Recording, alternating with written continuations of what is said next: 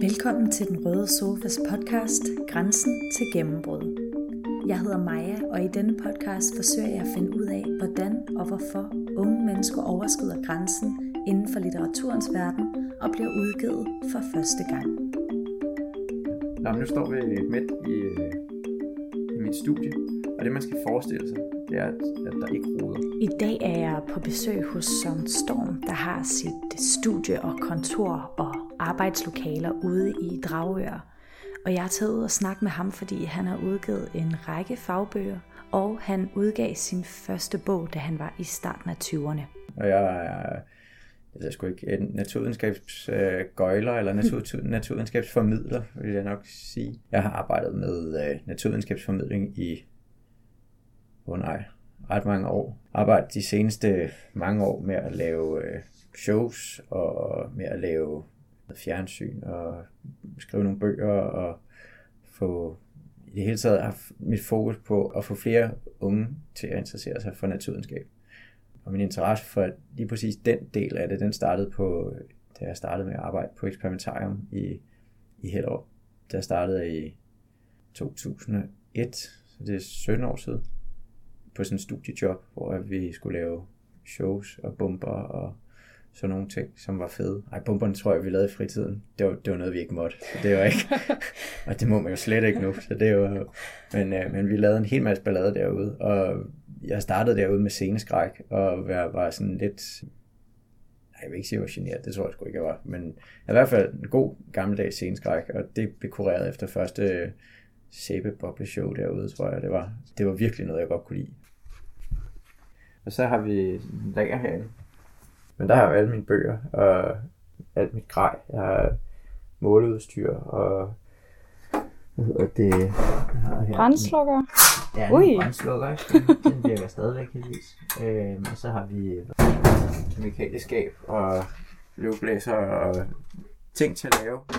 Hvad Alle de basale Alle ting, de basale man finder inde på et, øh, et kontor. Det er nemlig lige præcis det. Ja. Alt det her, det er de basale ting, og så plejer jeg at købe ind, når jeg skal bruge noget. Den her, det er sådan ligesom min, øh, min guldsamling af bøger, og der er, hvad jeg skal bruge. Denne her bog her, for eksempel, det er en klassiker. Øh, det er Paul Bergsøs kemi på en anden måde. Den fik jeg stukket i hovedet af min kemilærer Kjeld i gymnasiet. Ja, ham skylder jeg jo faktisk mange ting.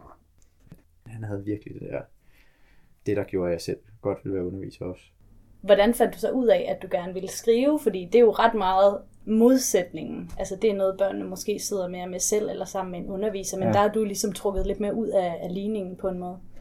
Altså, jeg tror, det der med at skrive, det har hele tiden været der. Altså det, det startede allerede, hvor fanden var det, jeg begyndte sådan at... Jo, jeg fandt ud af, at min dansk lærerinde, hun hed Alice. Hun var ret skæg.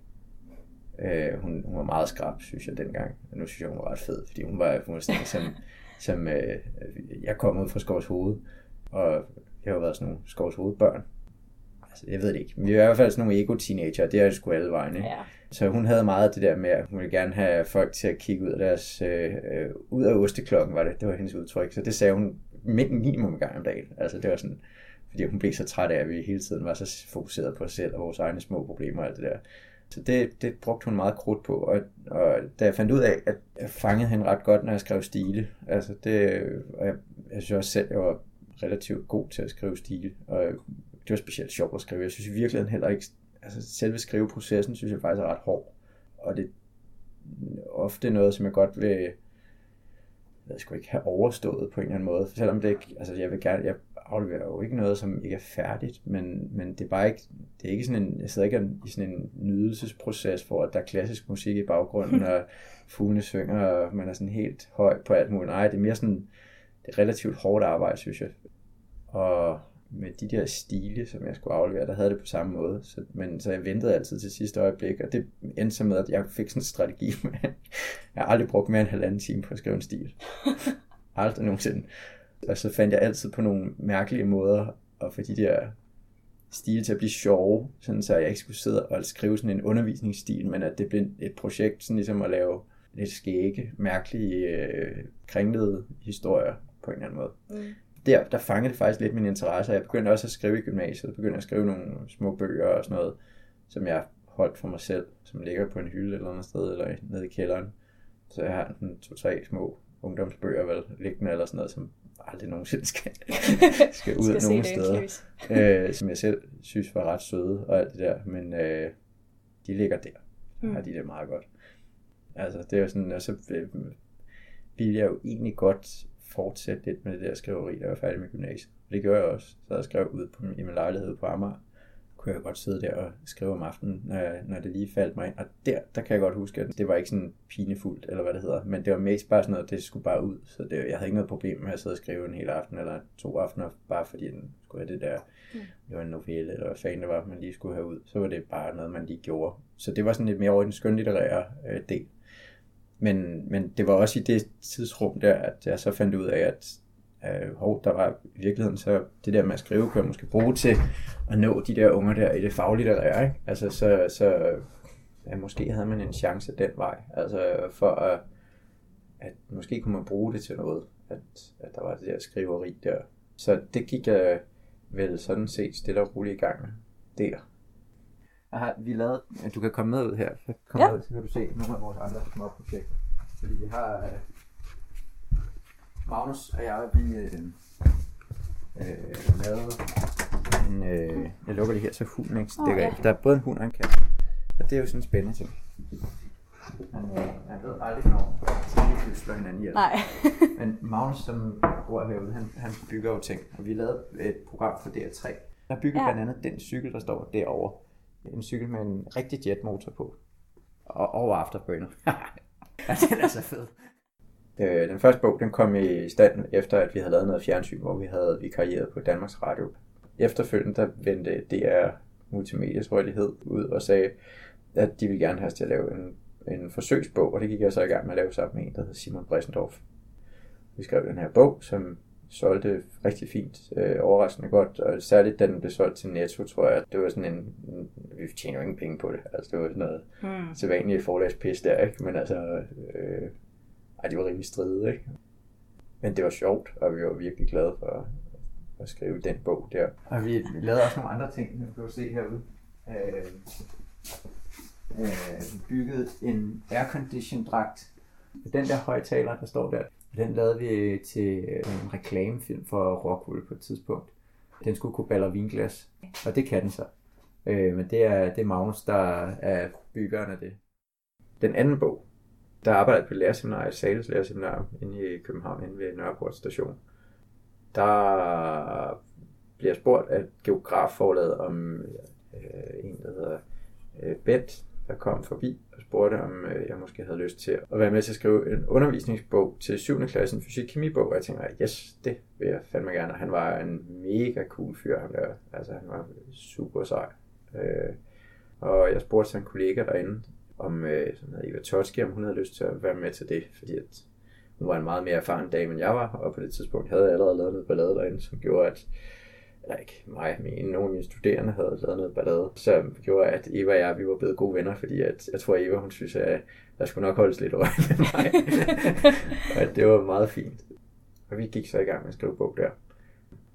Og så, så brugte vi de næste to år på at slås lidt med forlaget, og altså, det var ikke sådan en lige vej, vil jeg sige. Og ja, det er ikke fordi, jeg fortryder, at jeg har brugt tid på at skrive, men man skal vide, tror jeg, at det er, har ikke været, måske med undtagelse af den første bog der, så, så har der været nul lige vej. Altså, du ved, der er, det er jo ikke bare at sætte sig ned og skrive, altså der er alt det der udenom, som jeg synes fylder rigtig meget. Jeg er ret, tror, jeg er ret stedig, øh, og vil gerne have tingene på min måde. Øh, og der er nogle ting, jeg gider være med til, og nogle ting, jeg ikke gider være med til.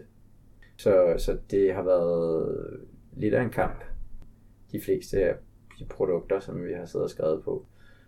Jeg tror også, det var var en meget vigtig del af det der med at få sådan et projekt til at lykkes, også når der var knaster i forhold til et forlag og sådan noget. Det var, at man i hvert fald havde et godt samarbejdsforhold med de andre forfattere. Ja. Ja. Ikke? Altså, det er så her, det er vores hule.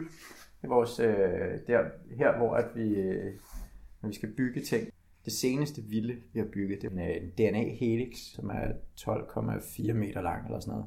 Den, det, den er vi meget glade for. Ja. Det bliver sådan et kæmpe projekt. Der er meget af det, som også bunder i samarbejde. Ja, alt, Ja. alt hvad jeg laver, at det er sjældent, sjældent, sjældent, at jeg laver ting helt alene. Jeg har faktisk ikke skrevet noget, som ikke har været i samarbejde med andre. Man skal forstå, at det, i hvert fald for mig, der har det været rigtig meget øh, mere, sådan, hvad skal man sige, arbejde rundt om. Den, ikke logistik, men, men, men sådan en hel masse praktiske ting med kontrakter og aftaler og alle sådan nogle Mm. ting, der det fylder ret meget mere end måske hvad godt er i forhold til sådan en skriveproces der. En, og, og man kan sige, forfatterforeningsadvokat øh, eller jurist var i hvert fald en kæmpe hjælp til at bare sådan ligesom at pege på, det her det er totalt urimeligt, det her er rimeligt, det her er totalt urimeligt. Og, sådan, altså, og der har ikke været nogen af forlagene endnu, som ikke har været fuldstændig urimelige til at starte med. Altså gigantisk urimelige, og så er det endt med at blive sådan nogle lidt mere rimelige aftaler. Ja, så er der ellers bare altid et eller andet forsøg i gang. Det er med at passe på, at man ikke kommer til at træde på et eller andet... Øh. Jamen, det er rigtigt. Lige nu der er det lidt følsomt, fordi vi skal ud i morgen og lave det her. Så det, det hele det ligger frem. Øh, men øh, der er så sådan skal et jeg- trick med det her. Det, her det, det er sådan et eksperiment, der hedder dobbelt dominoeffekten, som er, at man ligesom har nogle dominobrikker, der ligesom vælter ned over hinanden, ligesom normale, men de ligesom bare læner sig op af hinanden, når de vælter. Øh, og så først når den sidste er væltet, så vælter hele striben tilbage igen, sådan set.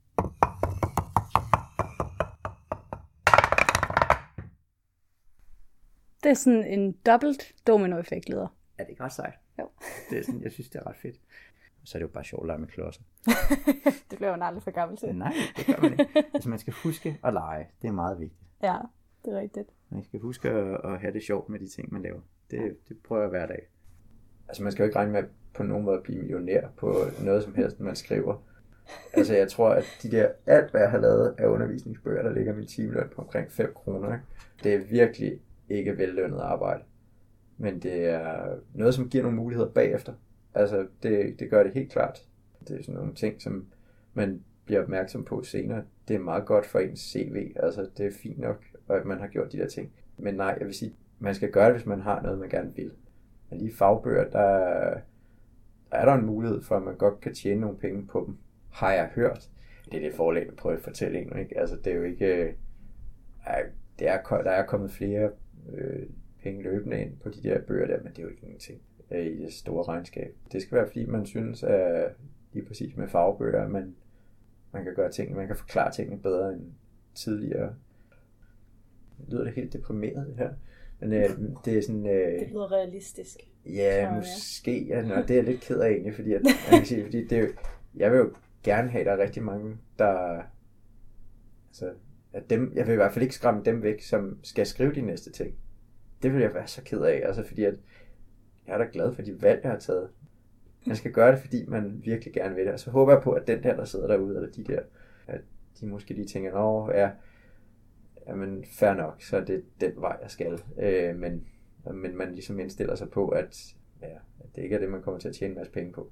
Til dem, der sidder derude nu her og har følelsen i maven af, jamen, jeg ved det kraftedeme også, så vil jeg så sige, at, at det var den samme fornemmelse, jeg selv havde, og det skal man ikke være bange for. Altså ens arbejdsliv er kraftedeme kort. Altså ens liv er kort, og man skal skulle gå efter bolden, gribe de muligheder, der er. Og det lyder sådan helt gammel, man sagt, at jeg er altså ikke gammel. Det er bare noget med at få det prøvet af, og få det gjort, og lade folk opdage, at man virkelig gerne vil noget. Nu er det jo ved at være nogle år siden efterhånden, at du sidst har, har udgivet en bog. Er det noget, du tænker, at du, kunne, at du vil gøre i fremtiden? Øh, jeg har et par bøger i hovedet, som jeg gerne vil skrive, og det er sådan en blanding af skønlitterær og faglitterær.